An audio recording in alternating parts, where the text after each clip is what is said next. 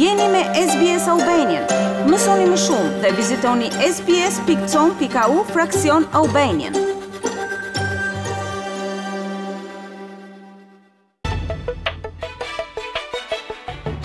Sëmundjet e zemrës janë shkaku kryesor i vdekjeve në Australi. Mesatarisht, një australian vdes çdo 12 minuta si pasojë e një sëmundjeje kardiovaskulare. Kur bëhet fjalë për infarktin e miokardit, një australian vdes pothuajse çdo orë. Por a dini si t'i dalloni shenjat e infarktit dhe çfarë duhet të bëni nëse ju ndodh? Të ndjekim raportin. Sa më shpejt t'i kuptoni shenjat e infarktit të zemrës dhe të kërkoni trajtim, aq më të larta janë shanset që të shëroheni plotësisht.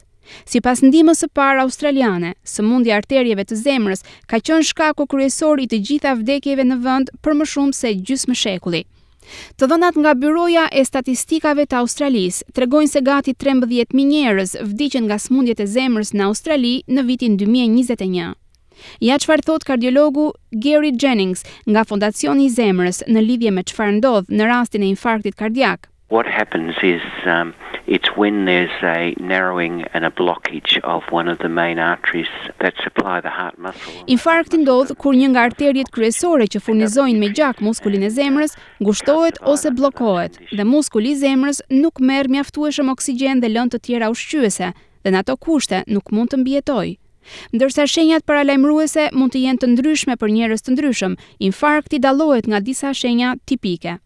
Kardiologu Rob Perel nga Grupi Kardiovaskular në Queensland thotë se dhimbja e gjoksit është njëra prej tyre. The first sign is pain, chest pain, and the chest pain if it's an acute heart attack will be severe and unrelenting E para është dhimbja në gjoks.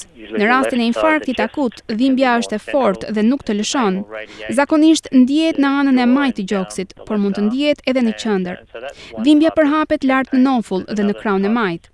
Ky është njëri lloj i dhimbjes së gjoksit. Një dhimbje tjetër që quhet angina është një version më kronik i së njëjtës dhimbje dhe shkaktohet gjithashtu për shkak të ngushtimit të arterieve koronare. por nuk është infarkt në zemër. Siptoma të tjera janë të ndjerit sikur po mbytesh, rëndesë të krave, gulçim, të përziera, djersë të ftohta dhe marrje mënç. Telefononi menjëherë numrin e urgjencës zero, zero, zero nëse mendoni se ju ose dikush tjetër po kalon një infarkt.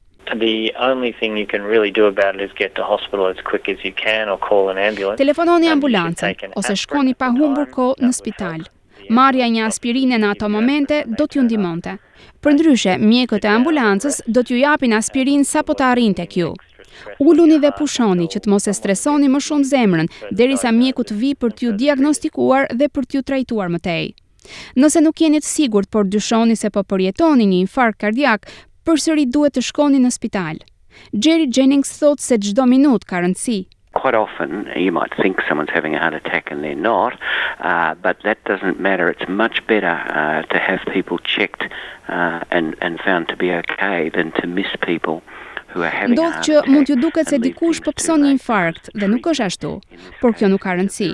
Është shumë më mirë që njerëzit të kontrollohen sesa të mos e dinë që kanë pësuar infarkt derisa të jetë shumë vonë. Sepse trajtimi në këtë rast është shumë urgjent. Çdo minutë është me rëndësi për të shpëtuar pjesën më të madhe të muskulit të zemrës dhe jetën.